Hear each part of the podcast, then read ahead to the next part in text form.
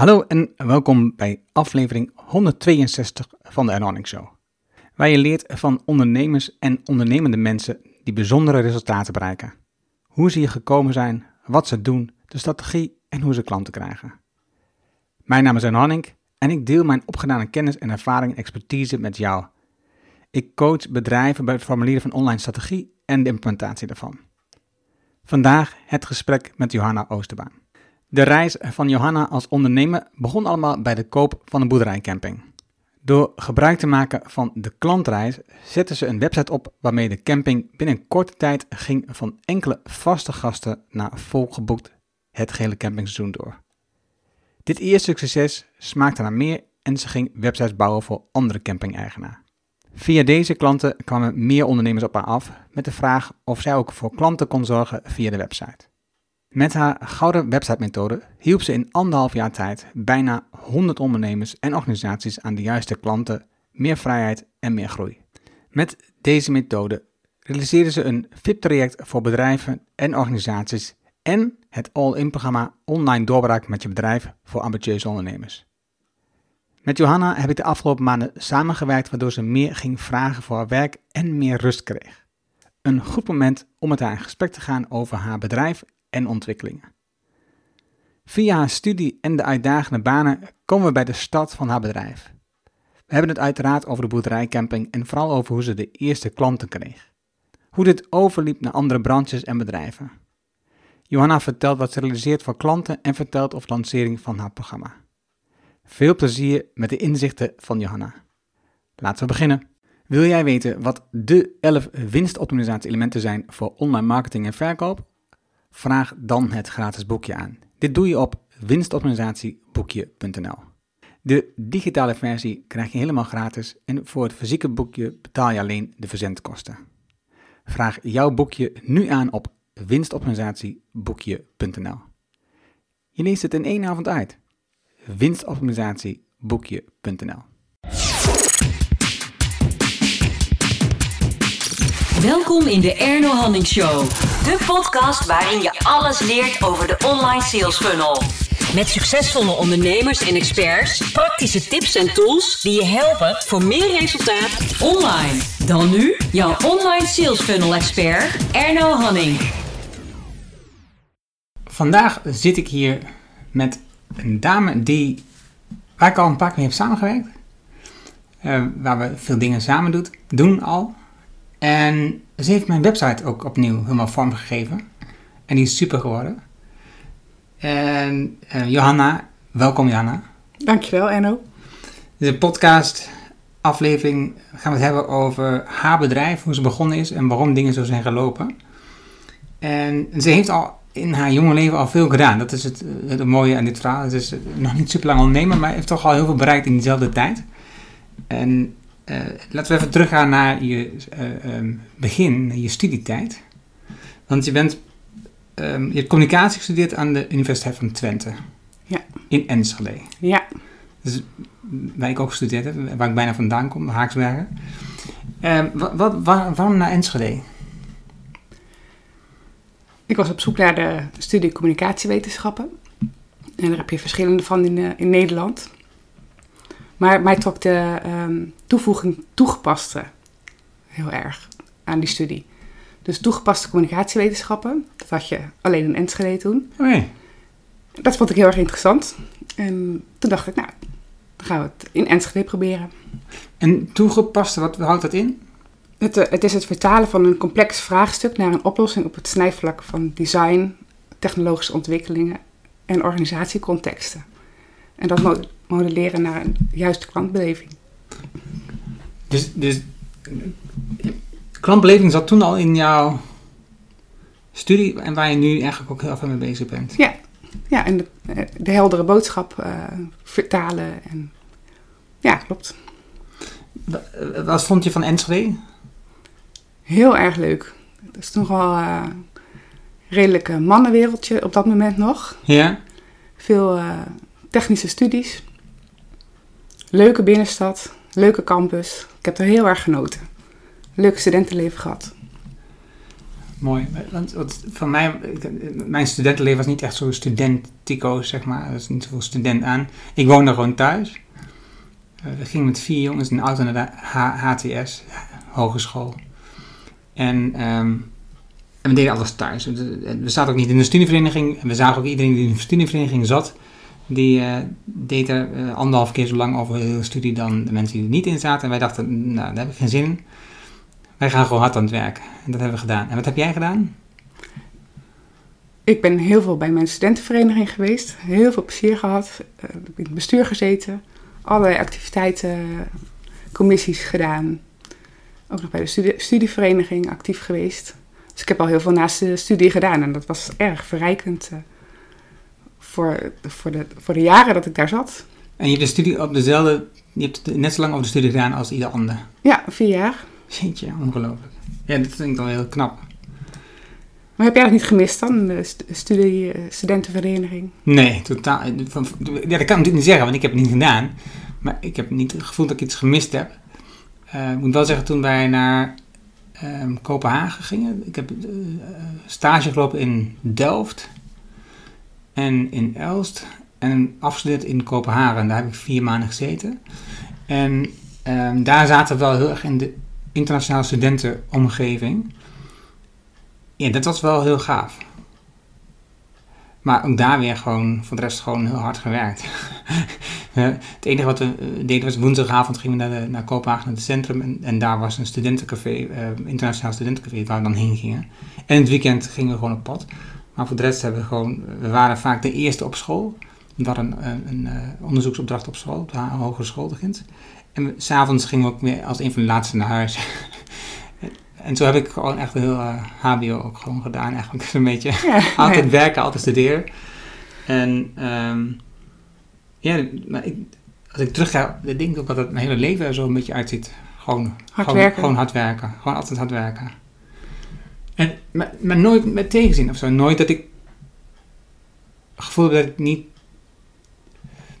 Dat het vervelend is om hard te werken of zo. Dat niet. Maar jij kon hard werken en ook nog plezier hebben.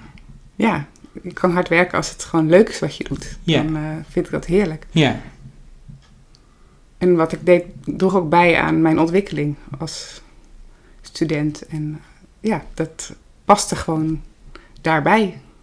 Ja, en het gaaf is natuurlijk ook dat je dus... Want je hebt die studie gedaan, en, maar maar je gebruikt het ook gewoon nu. In je werk, in je bedrijf, Ja, met je klanten. En dat heeft bij mij wel een aantal jaren geduurd voordat ik... Het, het werk ging... Nee, eigenlijk heb ik nooit het werk gedaan wat ik heb geleerd op de hbo. Eh, maar wel het werk gedaan op de- op de MBA geleerd, dat dan weer wel. Maar ja, nee. Ik heb, ik heb nooit het technische werk gedaan. Dat vond ik niet super gaaf. Ik heb ook geen spijt van dat ik die studie, studie heb gedaan. Mhm. of Zo, dat niet, nee. En ehm, wat, wat was je eerste baan waar je toen in terecht kwam vanuit je studie? na mijn studie heb ik een traineeship gedaan. Ik wilde mijn vaardigheden op het gebied van beleid en management nog verder eh, verdiepen en verbreden. Dus het was een programma van twee jaar, waarbij ik eh, in verschillende organisaties aan de slag kon voor, voor een half jaar. Om ja, de- ook meer te, te leren over hoe organisaties in elkaar zitten. Waar vind ik het leuk om te werken? Ehm, met leeftijdsgenoten die ook net van de universiteit kwamen. Ook, eh, samen intervisie eh, hebben en opleiding daarnaast nog. Dus ja, dat heeft me ook heel veel gebracht. Ja, ja, dat, leek Ja. Mij, dat leek mij ook super gaaf om dat Ja. te doen toen. En ik, uiteindelijk ben ik nergens in terechtgekomen in zo'n programma. Maar het leek mij wel super gaaf om dat te doen. Dus was het geloof ik toen. Heet het volgens mij, toen ik daar studeerde. Of toen ik was met studie.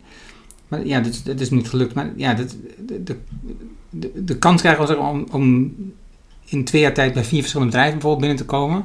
En kijken en daar projecten te doen. Ja, dat is natuurlijk uniek. Ja, dat- geweldig. Die kansen, wat ik wel gedaan heb, is, ik heb heel veel op, ehm, via detacheringsbureaus ehm, even op eh, bureaus werk la- laten zoeken van mij, waardoor ik eh, zelf daar niet actief mee bezig hoef te zijn. En na elke anderhalf, twee, drie jaar, afhankelijk van welke job was, had ik weer een nieuwe baan. Dus ik heb wel ervoor gezorgd dat ik toch wel in een beperkte tijd veel werkervaring heb opgedaan bij Mhm. verschillende bedrijven. Maar ja, zo'n traineeship is in twee jaar, vier banen, dat is wel heel gaaf, ja. En toen ging je aan de slag met kwaliteitszorg.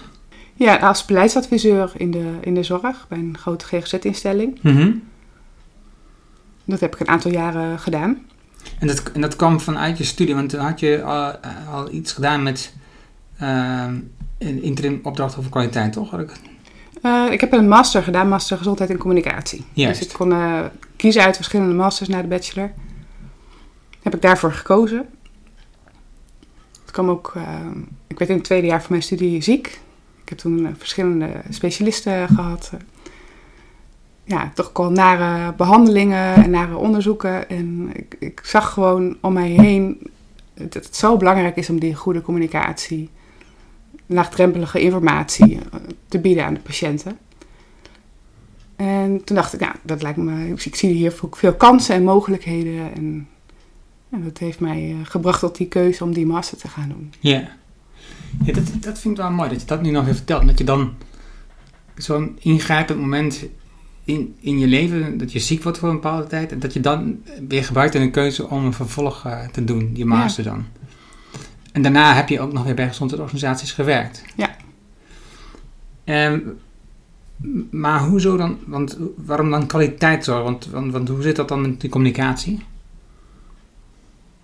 Uiteindelijk heb ik een uitstapje gemaakt. Dus ehm, meer met kwaliteit en beleid bezig geweest.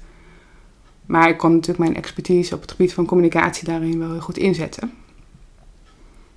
Dus het gaat het ook om van, je maakt een protocol, je maakt een, een proces en hoe kan je dat goed overbrengen naar ook de medewerkers. Dus het speelt sowieso een rol daarin. Mhm. De, de, de kwaliteit, en ja, dat snap ik. Dus kwaliteit heeft voor het zit een belangrijke rol speelt communicatie eh, daarin. Dat, je, dat mensen snappen wat in het protocol zit. Is, is dat vaak niet goed bij, bij, bij gezondheidsorganisaties? Jawel, de, de kwaliteit is over het algemeen heel erg hoog. Maar er, er zijn altijd efficiëntieslagen te behalen, ook wel. En ook in de processen. Dus nou, dan gaat het hier over die communicatie bijvoorbeeld. eh, De, de drempels, de, de, de toegankelijkheid van de informatie. Het duidelijk, duidelijk informeren van, van patiënten. En daar ging ik eigenlijk steeds meer eh, naartoe. Op een gegeven moment kreeg ik ook een, een project gastvrijheid omdat ik dat wel om mij heen zag. Van, Mhm. daar kunnen we nog winst behalen. Dus ik werd toen eh, projectmanager gasvrijheid. Daar hebben we heel veel kunnen doen op, op dit gebied. Eigenlijk weer op het, op het snijvlak van kwaliteit en, en communicatie. En de gastvrijheid, dat gaat over de communicatie met de patiënt. Ja, en, eh, de bejegening, eh, het welkom heten van de patiënt.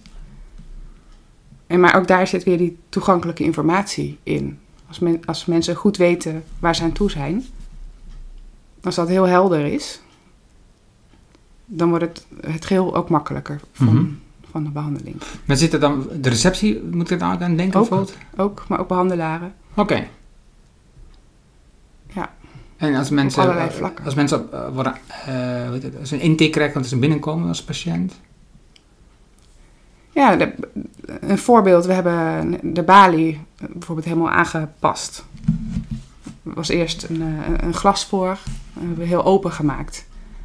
Zodat mensen gewoon veel makkelijker een vraag kunnen, kunnen... Dan is de drempel lager om een vraag te stellen. We hebben gekeken naar, naar de wachtruimtes. Hoe kunnen we die sfeervol eh, inrichten... zodat mensen gewoon eh, relaxed eh, daar zitten daarmee ook misschien wat, wat gemakkelijker eh, het gesprek ingaan. Mhm. En dan gaat het ook weer om, de, om het proces van, van, van wachtkamer naar, naar, naar behandelaar. Eh, Gaat dat, gaat dat goed? Gaat dat gestroomlijnd? Ja, er zit gewoon heel veel facetten aan vast. Ja.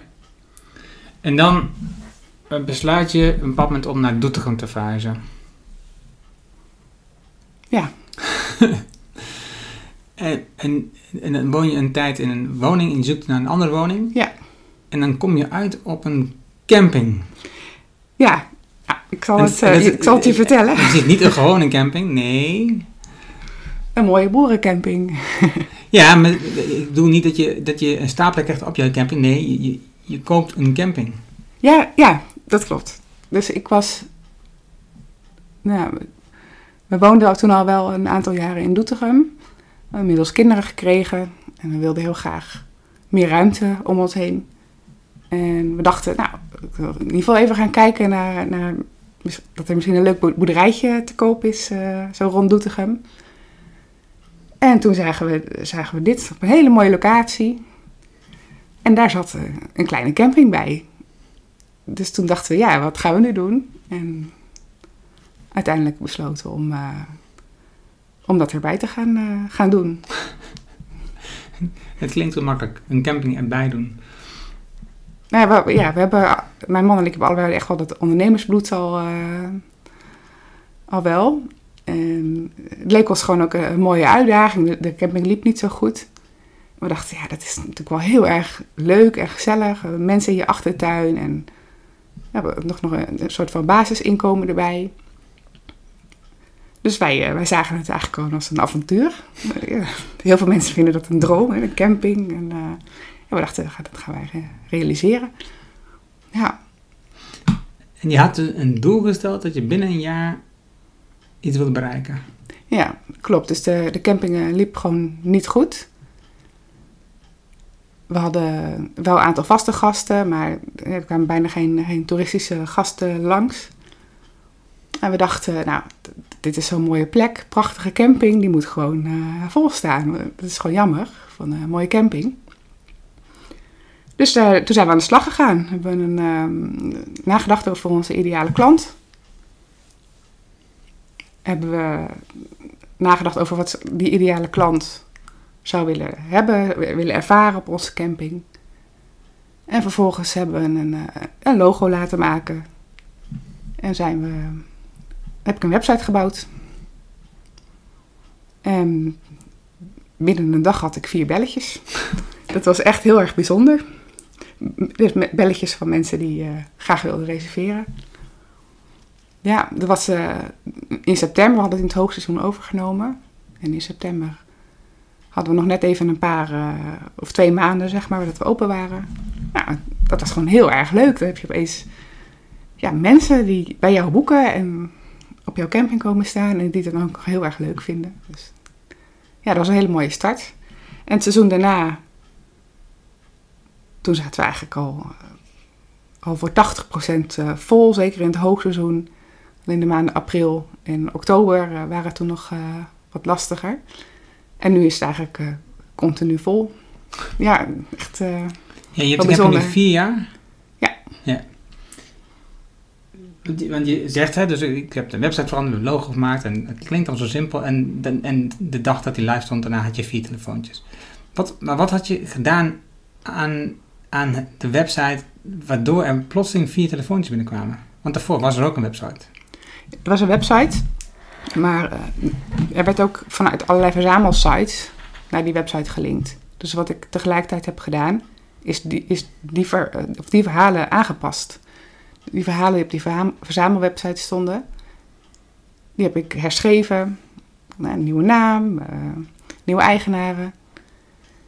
En uiteindelijk ging dezelfde link, of naar dezelfde domeinnaam, zeg maar. Dus dat, dat uh, ging in één keer uh, goed. En toen kwamen ze op die website. En toen gingen ze boeken. Dus ik, ik had ook wel inzicht in de statistieken. Dus er kwamen ook echt wel mensen op die website, die er, er al was. Maar er was geen conversie, er, was geen, er kwamen geen aanvragen of, of niet zoveel.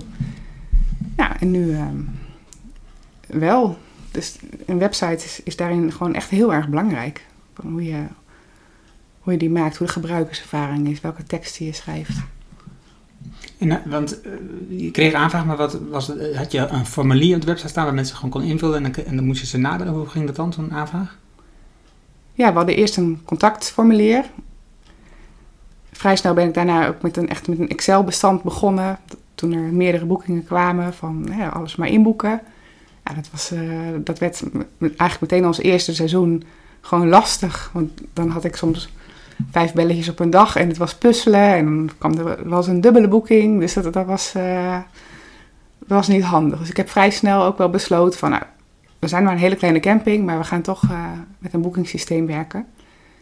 Waar mensen ook zelf op de website al kunnen zien welke plek ze kunnen kiezen. En dat, was, dat, dat hoor ik nu gewoon van de mensen, dat ze dat heel erg fijn vinden. Dus we hebben alle, elke plek hebben we uitgebreid beschreven op onze website met een foto erbij. En dat vinden ze fantastisch. Dat ze gewoon zelf kunnen kiezen welke, welke plek Ja. ze kunnen staan. En, en nu betalen mensen ook al bij het boeken gelijk? Ja, ze krijgen een ideal eh, link. Dus dat, dat gaat allemaal automatisch. Het is voordat ze bij u zijn, is er al betaald? Ja. Want in mijn beleving met de camping, zoals ik het vroeger heb meegemaakt, dan reed je naar de camping en dan moest je op dat moment dan betalen. En altijd gedoe met uitrekenen hoeveel dagen en cash en Ja. weet dan wat. Ja, nee, daar hebben we echt wel voor gekozen om dat, eh, dat vooraf te doen. Ehm, bij de wat langere boekingen kan het ook 50% zijn. Maar dat is inderdaad ook voor die mensen eh, veel fijner. Dat, het gewoon, dat is gewoon duidelijk. Ja. En dat ma- maakt het gewoon allemaal slimmer en makkelijker. ja. Ja, En dan besluit je, oké, ik, ik heb het goed voor mezelf gedaan, ik heb een goed lopende camping nu. Dit, dit kan ik ook meer doen en voor anderen doen. En dan ga je eh, een bedrijf starten om campingen te helpen met het krijgen van websites en conversie en dat ding allemaal. ja, ik zag zoveel websites om mij heen en campings die half leeg stonden. Dat ik dacht, ja, ik vind het eigenlijk wel, ik wil gewoon mijn kennis inzetten voor ze. Ik had echt zoiets van, ja, ik heb al die kennis en ik, ik zie anderen daarmee worstelen. Waarom zou ik dat niet gewoon ook gaan oppakken en met ze gaan doen? Dus ehm, ik ben naar een, een beurs gegaan. Waar, daar heb ik allemaal camping-eigenaren ontmoet. Een aantal gesprekken gehad. En na die beurs had ik mijn eerste vijf klanten. Dus dat was erg leuk. Ja, En eh, er zijn, er zijn websitebouwers genoeg. Dus al die camping-eigenaren kunnen in hun eigen regio ook een websitebouwer vinden. Maar ze gaan met jou in zee. Ja, vanaf het begin dat ik startte met mijn bedrijf, heb ik wel een, een bepaalde missie. Ik maak, maak geen goede websites, maar ik maak gouden websites. Dat leg ik ze dan ook echt uit. Je hebt, je hebt websites met een mooi design, met het allemaal, allemaal prima gebouwd eh, door, door een techneut of met ja, mensen die goed zijn in websites bouwen. Maar ja, ik ben een communicatiewetenschapper, dat zeg ik dan ook bij. Dus ik weet gewoon wat er, wat er werkt. Ook als het gaat om teksten, als het gaat om de klantreis. Die, die mensen door een website heen ehm, volgen, zeg maar. En ja, dat, dat, dat begrijpen mensen wel. Van, weet je, ze kunnen zelf kiezen om, om tekst op hun website te zetten. Om bepaalde foto's eh, te kiezen op een bepaalde plek. Maar ik kijk daar gewoon op, een andere manier na- naar. Ik weet hè, waar je een beoordeling moet zetten, waar je, waar, je de, waar je de juiste contactformulier moet zetten. En dat leg ik ze uit. En ja, dat, het heeft enorm goed voor ze gewerkt. Ja. En dan bouw je ook de sites ook werkelijk voor. Ja. En, en je vertelt het verhaal dat je bij de eerste klant, daar was je heel ver gegaan, want je had zelfs eh, de camping bezocht en alles uitgetest en zodat je de ultieme beleving van de klant kon vertalen in de website. Ja, ik was zelfs helemaal naar, eh, naar Drenthe gegaan. Ik, was, ik had mijn gezin meegenomen, hadden we een huisje gehuurd. En eh, ja, toen ben ik daar een dag geweest. Ja, intake gedaan en ehm, eigenlijk een hele dag daar rondgelopen. Zelfs eh, ja, mensen die daar toen waren gevraagd, oh, kun je een beoordeling eh, geven? En kan ik een foto maken voor op de website? echt ook al, al meteen ook over de prijzen gehad die ze hanteerden. Ja, eigenlijk een hele dag daar geweest. En daarna ben ik eh, drie weken bezig geweest om, eh, om, om echt volgens mijn eigen methode testen en dergelijke, om dat gewoon goed voor elkaar te krijgen. Ja, Als al- allereerste klant. precies. En nu ehm, kwam je erachter, ja, je noemde het al, een gouden website. Je kwam erachter dat, ik kreeg aanvragen van andere bedrijven ook, niet alleen met camping. Dus nu heb je ook een bedrijf wat zich bezighoudt met eh, gouden websites maken voor ondernemers. Ja, ondernemers en bedrijven. Ja. ja, de, vraag, de vragen kwamen uit andere branches. Want die camping-eigenaren die, die vertelden dat door. Van joh, moet je nou eens kijken, er zijn, we hebben drie keer zoveel boekingen. En, uh, nou, dus op een gegeven moment werd ik, werd ik gewoon gebeld uit het niets van, uh, door, door een ander bedrijf. Van, maak je ook website voor, voor mijn branche? En toen dacht ik, ja, dat is een mooie volgende stap. Dus dat ga ik doen. Ja. Ja. Wat, wat is het dat, dat die mensen zo. Ik snap het, dus je, je, zij halen, uh, maken een campingspotting drie keer zo vol dan normaal. Uh, dat verandert in een een bedrijf. Maar wat is het dat jij dan zo speciaal doet uh, dan, dan een normale website bouwen? Wat is, het, wat is het wat het verschil maakt? Want je, je dompelt je onder in de wereld van de klant. Je kent die natuurlijk heel goed, want je hebt zelf een camping. Maar hoe vertaal je dat naar, hoe vertaal je dat naar de website? Voor de campings heb ik van tevoren ook een onderzoek gedaan. Dus op diezelfde beurs heb ik uh, 200 campinggasten gevraagd naar hun ervaringen op websites. Wat ze fijn vinden om op een website te zien van een camping. Dat was mijn startpunt voor de campings. Daar heb ik heel veel waardevolle informatie uitgehaald. Dus de informatie ophalen bij de klant, bij, dit geval de gasten. Nou, we willen heel graag een plattegrond op de, camp, op de campingwebsite. Reviews ook heel graag op de website. die, die dingen heb ik allemaal geïmplementeerd op de website van de campings. En dat, dat werkte. En daarna ben ik me nog veel meer nog gaan uh, specialiseren en me gaan verdiepen in de, de marketing, de neuromarketing, van de psychologie van, van website. Van hoe je dingen opschrijft, hoe je je website zo inricht dat het gaat werken. -hmm. En, en, wat zijn de essentiële punten? Uh, want ja, je hebt nu al klantonderzoek, maar wat heb je gedaan? Heb je een enquête? Heb je een vraag gesteld? Heb je dat opgeschreven? Heb je dat, hoe heb je dat gedaan? Ja, ik, ik was niet in die beurs, dus ik had een tafeltje gereserveerd voor mijn eigen camping. Ik had ondertussen dus het idee, ik moet die andere camping-eigenaren spreken. En ik had 200 vragenlijsten met een, met een bus erbij uh, op, die, op die beurs. Met 200 uh, zakjes met uh, leuke achterhoekse snoepjes erbij. Nou, dat, en dat ging heel erg goed. Dus mensen vonden het heel leuk om het in te vullen. Toen hoorde ik al, heel vaak van ja, we zouden zo graag willen dat, dat uh, de websites er gewoon wat beter uitzien. Dat, dat we daar meer uit kunnen halen.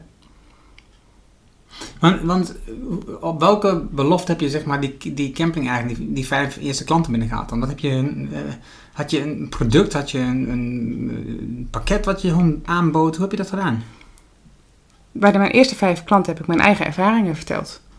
Dus ik heb verteld van waar we stonden, dat ik een nieuwe website heb gebouwd.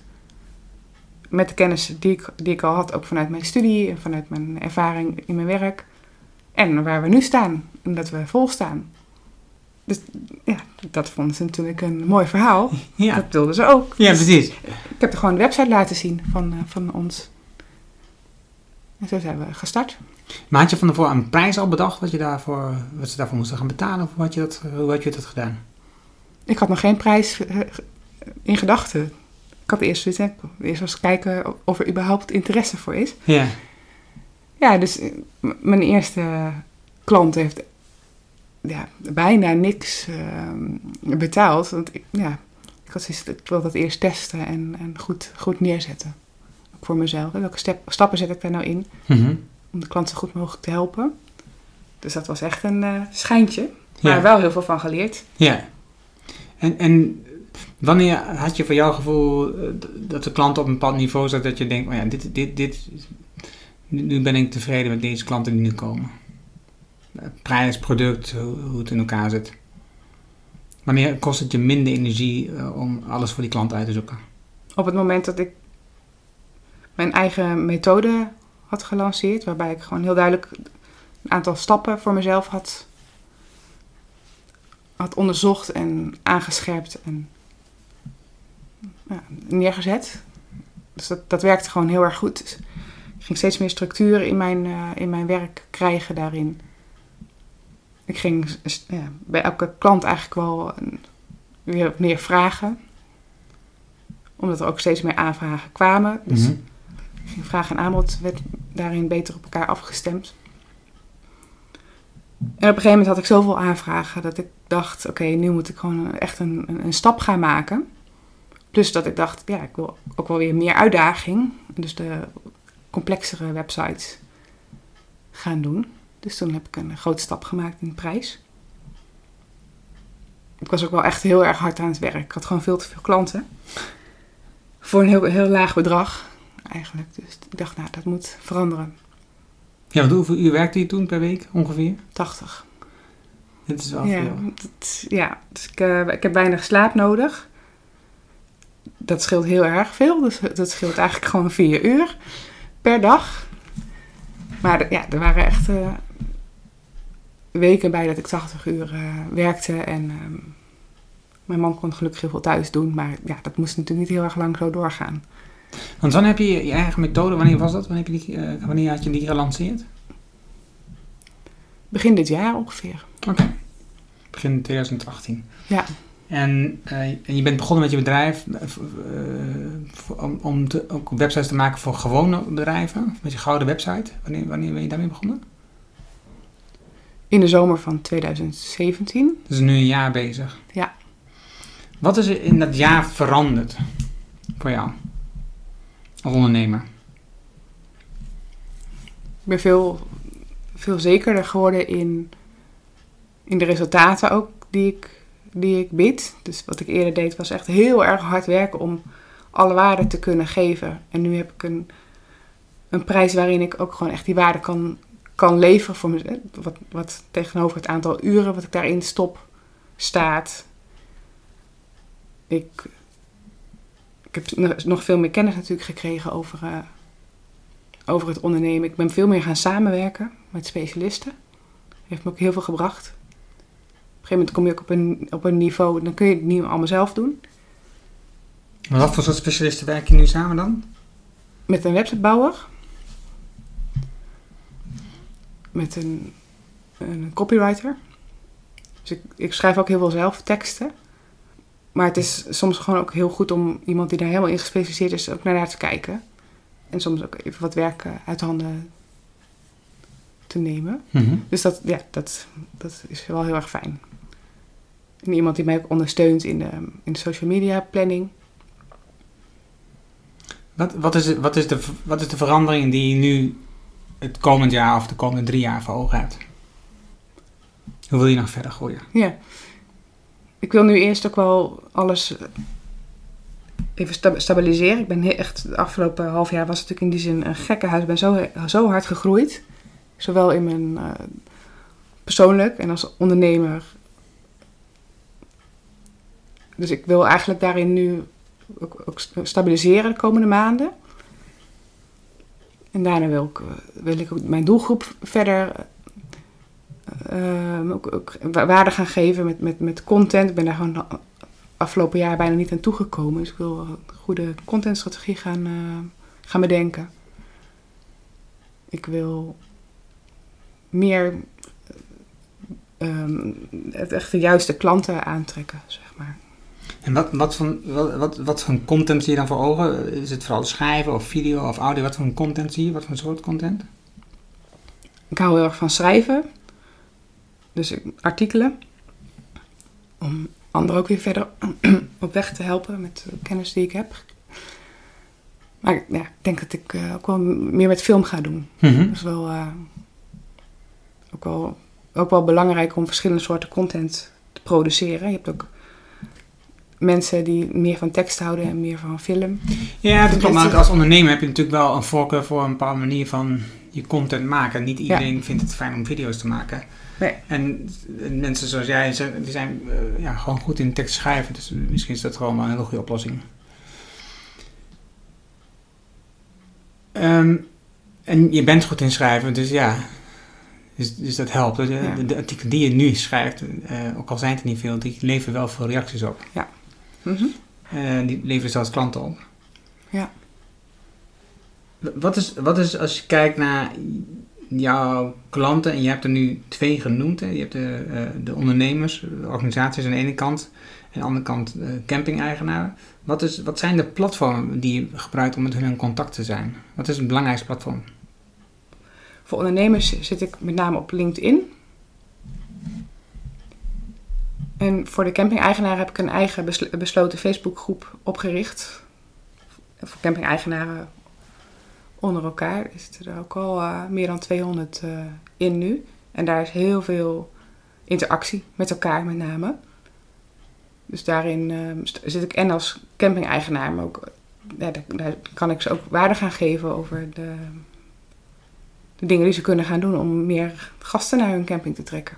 En hoeveel camping-eigenaren zijn er in Nederland?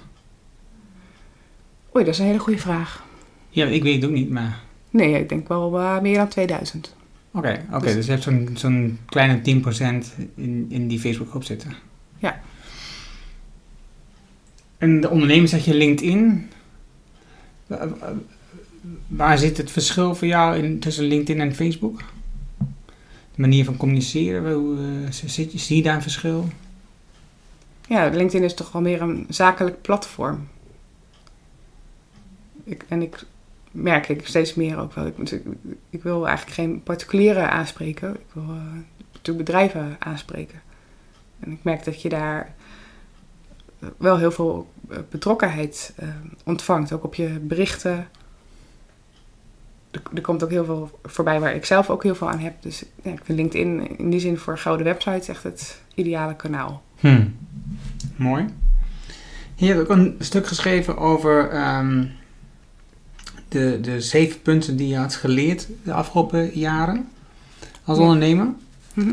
En um, uh, onder andere ging het over dat je um, rust moet creëren. Um, dat je steen goed moet worden. Was een van de punten die zegt op punt 2. Hoe, hoe word je nou steengoed? Door echt te gaan focussen op een, op een vakgebied waar je alles over gaat leren.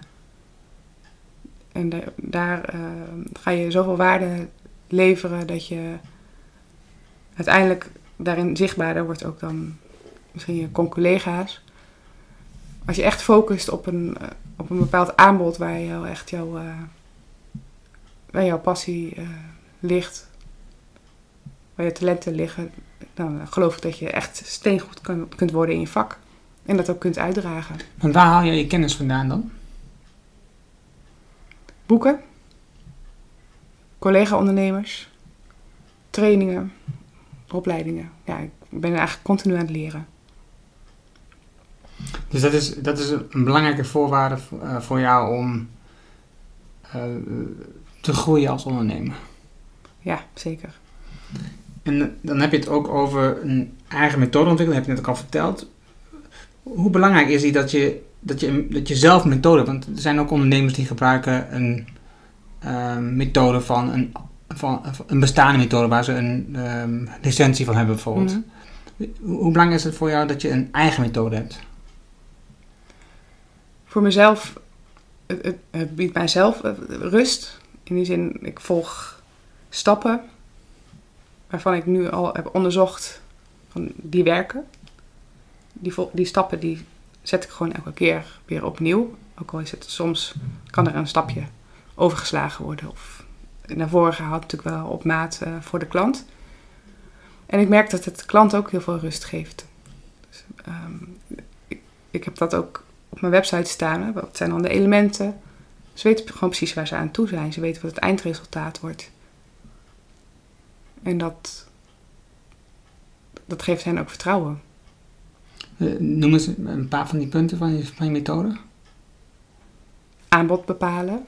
De, dus de prijzen van je aanbod bepalen. Groeistrategie. Marketingstrategie. Verhaal. Missie, visie. Zo schrijven dat het aansluit bij de klanten. Funnel beter inrichten. Met een uh, goede weggever. Lead generatie, e-mail marketing content maken, contentstrategie. Ja. Zak nog, ja, het zijn er gewoon best wel heel veel. Nee, dat klinkt, het, het, zit, het zit volgens mij goed in elkaar. Ja. Um, en, en je noemt ook in punt 7 dat je je prijs uh, uh, aanpast naar wat je aanbod waard is. Hoe, hoe, hoe eenvoudig of hoe lastig is dat om je prijs, om, om je prijs goed te bepalen op basis van de waarde die je levert? Mijn ervaring is dat veel ondernemers dat heel lastig vinden. Dat ze zichzelf over het algemeen ehm, dat ze denken dat ze minder waard zijn dan dat ze werkelijk aan waarde leveren. Omdat ze eigenlijk niet denken vanuit de waarde die ze leveren, maar denken uit, vanuit de uren die ze er investeren in, in het product wat ze leveren. Hoe lastig is dat, hoe lastig is dat voor, voor jou geweest om dat, of hoe eenvoudig, misschien een betere vraag, hoe eenvoudig was het voor jou om dat te veranderen, om, dat, om die waarde ook werkelijk te bepalen voor jezelf? Dat heeft wel een tijdje geduurd. Dat was uh, zeker niet het eerste half jaar dat ik dacht, ik moet nu echt wat met de prijzen gaan doen. Maar op een gegeven moment merkte ik wel, ik, vertelde over die 80 uur, ik, ik, zag gewoon ik, dat ik, ik wou echt een eindresultaat opleveren wat, wat zou werken voor de klant. Ik wou niet zomaar een, website opbouwen of voor vijf uur met een klant kijken naar de website. Ik wou echt het totaalpakket geven. Nou, dus ik heb het aantal uren wat ik daarin heb zitten, heb ik bij elkaar opgeteld. En toen kwam er wel een heel ander bedrag uit dan ik uh, in eerste instantie hanteerde. En het was echt veel hoger. En dat was dus ook wel spannend bij mijn eerste intakegesprek met een grotere klant, een gevorderde ondernemer. Van ja, zou hij dat accepteren? Zou, eerder was, waren al mijn intakes die, die resulteerden in een opdracht. En ik dacht, ja, nu krijg ik misschien ook wel een nee, want ja, ik, ik vraag nu uh, veel meer. Ja, en toen zei die klant, ja, dat is, dat is goed, dat, uh, dat gaan we doen. Dus toen dacht ik, oké, okay. had ik eerder moeten doen. ja, precies. Maar ja, dus dat geeft me gewoon heel veel vrijheid nu. Dus ik, ik hoef minder klanten aan te trekken om uiteindelijk hetzelfde, ja, hetzelfde omzet te hebben bijvoorbeeld. Of meer zelfs. Ja, ja, eigenlijk wel meer. Ja. ja. ja. Want je had de angst om dan gelijk nee te krijgen. Ja. Dat, dat hield je tegen in eerste instantie om die prijs te verhogen. Was die, was die angst gegrond dat je zegt, um, het is erg als mensen nee zeggen? Nee, die was niet gegrond, maar dat was blijkbaar voor mij wel een, een, een drempel waar ik uh, overheen moest. Van, het kan ook gewoon gebeuren dat ik nee hoor. En dat moet je dan accepteren. En denk, nou, dan was het goed zo. Dan was dat niet je ideale klant. Ja. Maar dat heeft even geduurd, maar inmiddels uh, lukt dat beter. ja. ja. Ik moet altijd denken, iets wat ik zelf, eh, ik weet niet van wie ik het gehoord heb, maar wat ik vaak gebruik in dit soort momenten als we met een, met, met, met een klant van mij over prijzen hebben, dan um, als mensen nooit klagen over je prijs, als ze nooit met je in discussie gaan over je prijs, dan vraag je te weinig. Dat is, dat is uh, een richtlijn die ik zeg maar gebruik mm -hmm. met klanten, omdat je, omdat Kijk, als je, als, als je, je hebt nooit de ideale klant voor je. Dat is wel eens, zeg maar, maar niet altijd, dat bedoel ik te zeggen. Dus je hebt niet mhm. altijd de ideale klant voor je. Er zitten mensen tussen die dus op het randje van eh, de ideale klant zijn. En die horen dan plotseling een prijs. En als ze dat gewoon accepteren, ja, dan weet je eigenlijk al dat je te laag zit. Het is mensen die op het randje zitten van de ideale klant. En die, die moeten gewoon eigenlijk ja, met je in discussie gaan over je prijs. Uh, die moeten uh, tegenstribbelen, die moeten gas geven uh, of afremmen of wat dan ook. Maar er moet iets gebeuren, want anders ja, dan weet je eigenlijk wel, ik zit niet goed met mijn prijs. En als iedereen nee zegt, dan weet je natuurlijk ook, ik zit niet goed met mijn prijs, dan zit je ja. waarschijnlijk te hoog. Maar in mijn ervaring komt dat niet zo heel vaak voor. Ja, dat is weer een mooie eye-opener. Ja. Ik weet iemand die zei, wat ik heb gedaan met mijn bedrijf toen we begonnen. En, en, ik weet niet, het is een online bedrijf die al heel erg groot is ondertussen. In de beginfase heeft hij gewoon elke keer, toen hij een aantal klanten had, op die prijs, de prijs weer verdubbeld. Net zolang tot hij niet meer verkocht. En hij het ook aankon, want hij had telkens nog klanten. En toen, net zolang tot hij meer verkocht, heeft hij het ene laag gebracht en was dat voorlopig de prijs. Slimme strategie. Het, is, ja. het, is, het, het voordeel van, van die strategie is dat je ehm, veel meer krijgt aan, aan eh, omzet van je klant dan je ooit zelf had bedacht. Als je gewoon um, strak hanteert, oké, ik heb nu vijf nieuwe klanten, tien weet ik wil. Dat ligt van wat je, wat je grens is waar, waar je het uh, zoekt. Zeg maar. Je, maar je stelt voor jezelf een grens. Als ik nu weer tien klanten heb, dan zit ik voorlopig vol en verdubbel ik gewoon mijn prijs. Net zolang dat ik zeker weet, oké, nu, ja, shit, nu zegt niemand meer ja. En nu zit ik waarschijnlijk te hoog. En tot dat moment krijg je met waarschijnlijk de helft van de mensen een discussie over de prijs.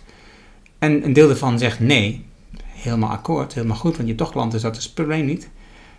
En een deel daarvan zegt gewoon nog steeds ja. Ik vind het zo'n mooie methode.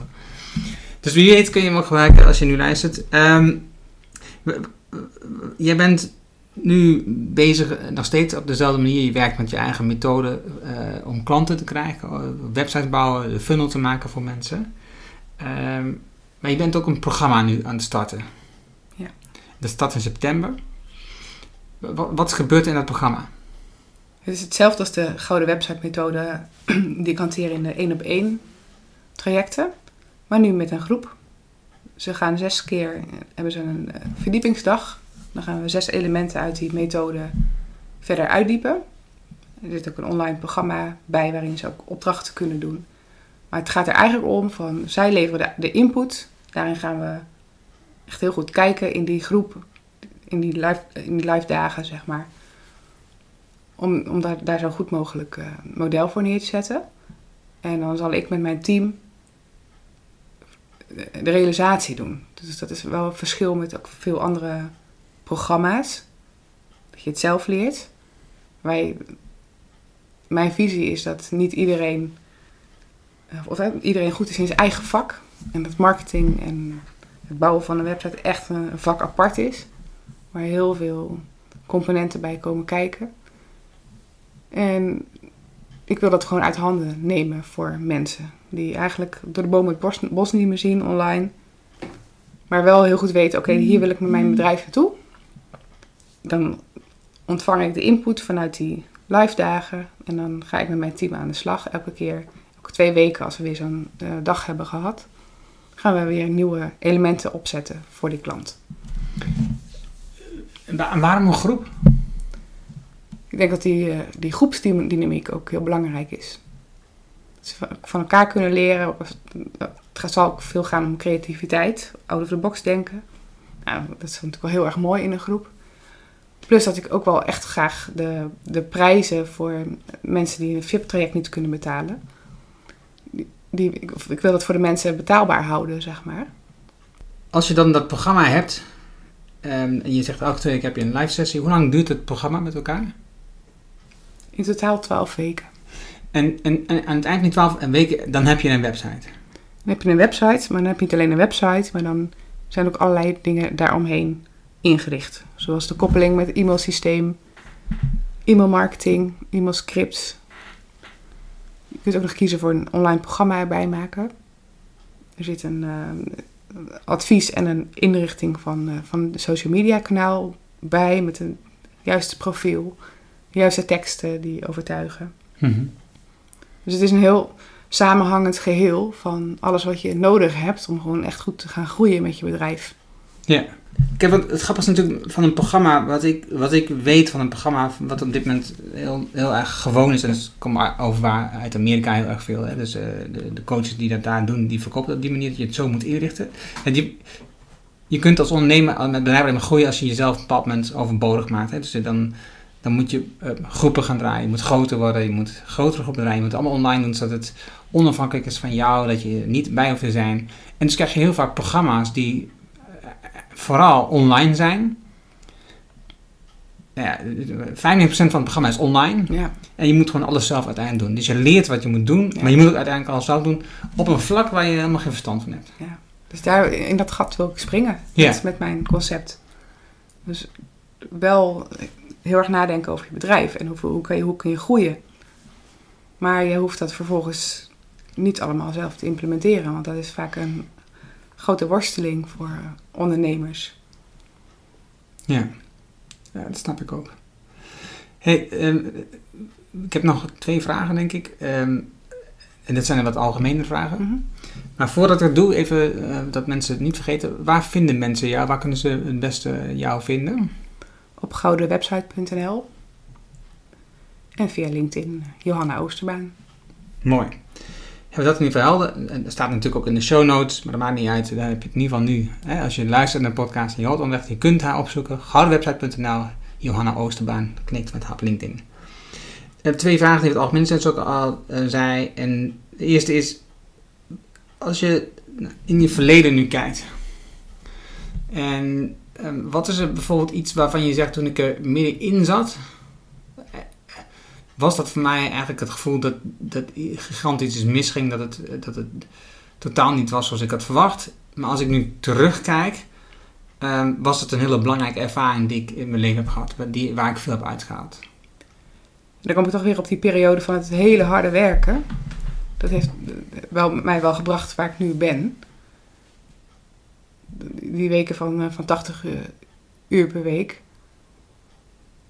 Ik ben mezelf daarin echt tegengekomen. Ik heb ook wel gezien ehm, wat ik dan het eerst laat vallen. Dus waar ik dan eigenlijk ook ondersteuning bij nodig heb. Maar bovenal is dat mijn inzicht geweest van... joh, dit moet, eh, moet ik echt anders gaan organiseren. En, En dat doe ik nu. Precies. En wat, eh, wat is het belangrijkste wat jij anders hebt georganiseerd? Dus ik heb minder klanten voor een hogere prijs. Ik heb een team om mij heen nu. Die mij ondersteunt echt op die punten die ik zelf eigenlijk ja, niet leuk vind of toch minder goed in ben. Dus ik focus me echt op mijn allersterkste punten. En dat werkt. Ja. Dus ik kan meer uit gaan besteden. Dus dan kan ik echt daadwerkelijk doen waar ik de klant het meest blij mee maak. Ja, zoals... ehm ik ben natuurlijk de naam vergeten van die coach, hoe die nou even zo snel heet. Dan Sullivan. Dan Sullivan. Ehm, zoals hij zegt, unique ability. Die, jouw unieke ehm, kracht, zeg maar. Unique ability noemt hij Ja. dat. En dat is, dat, als je daarop kunt concentreren en alle andere werkzaamheden ehm overdraagt aan andere mensen. ehm, dat- is de manier waarop je als ondernemer, eigenlijk de enige manier waarop je ondernemer kunt groeien. Wat is het boek wat je of het meest hebt weggegeven, of wat de grootste impact heeft gehad op je leven? Het boek wat ik het meest heb weggegeven aan vrienden, kennissen, ook een enkele klant, ging over creativiteit. Creativiteit hoezo van Igor Bottebier. En dat gaat heel erg over hoe kan je nou de bepaalde technieken eh, toepassen om op een andere manier naar vraagstukken te kijken. En dat kan op allerlei vlakken zijn. En hoe kan je dat toepassen? Nou, je merkt dat je dat op allerlei vlakken eh, heel veel kan brengen. Dus het is een heel erg leuk boek om te geven. En het boek waar ik de laatste tijd heel veel aan heb, gehad is het eh, boek van Russell Brunson, Dotcom Secrets. Over, het, het, het- over een duurzame en overtuigende website. Ja, die, die man is echt een kei in storytelling. Die weet echt precies hoe je, hoe je een verhaal zo maakt dat klanten in het verhaal gezogen worden. Ik werd ook helemaal eh, heel ademloos het boek doorgelezen. En ik heb, ik heb er heel veel geleerd over ehm,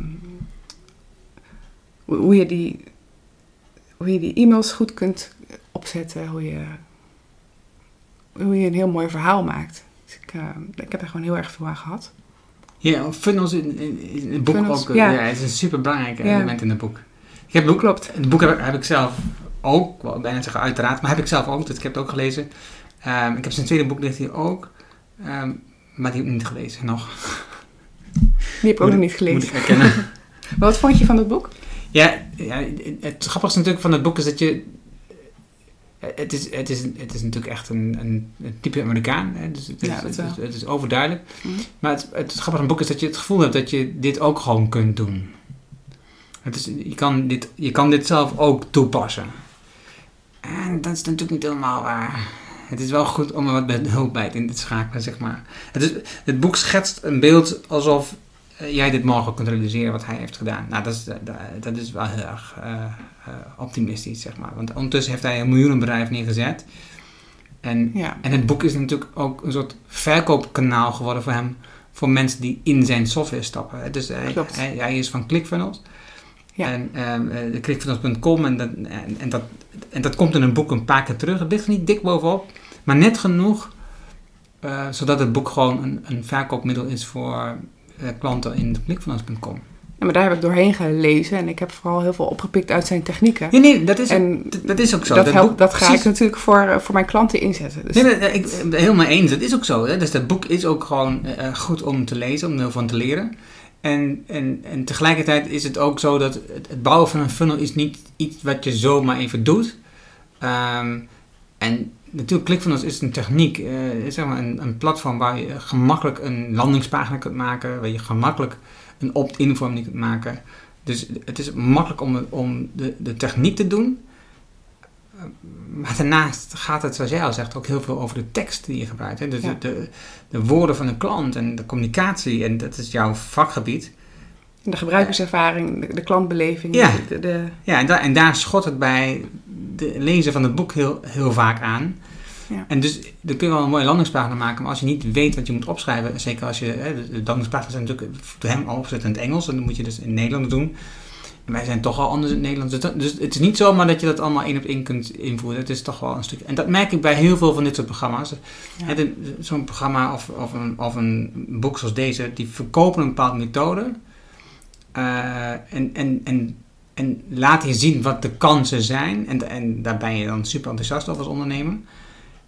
Maar de praktijk het zelf invoeren, ah, dat is nog een stukje lastiger. ja, en ik wil dus in het gat springen Ja, voor, voor, dus- voor die klanten. En Precies.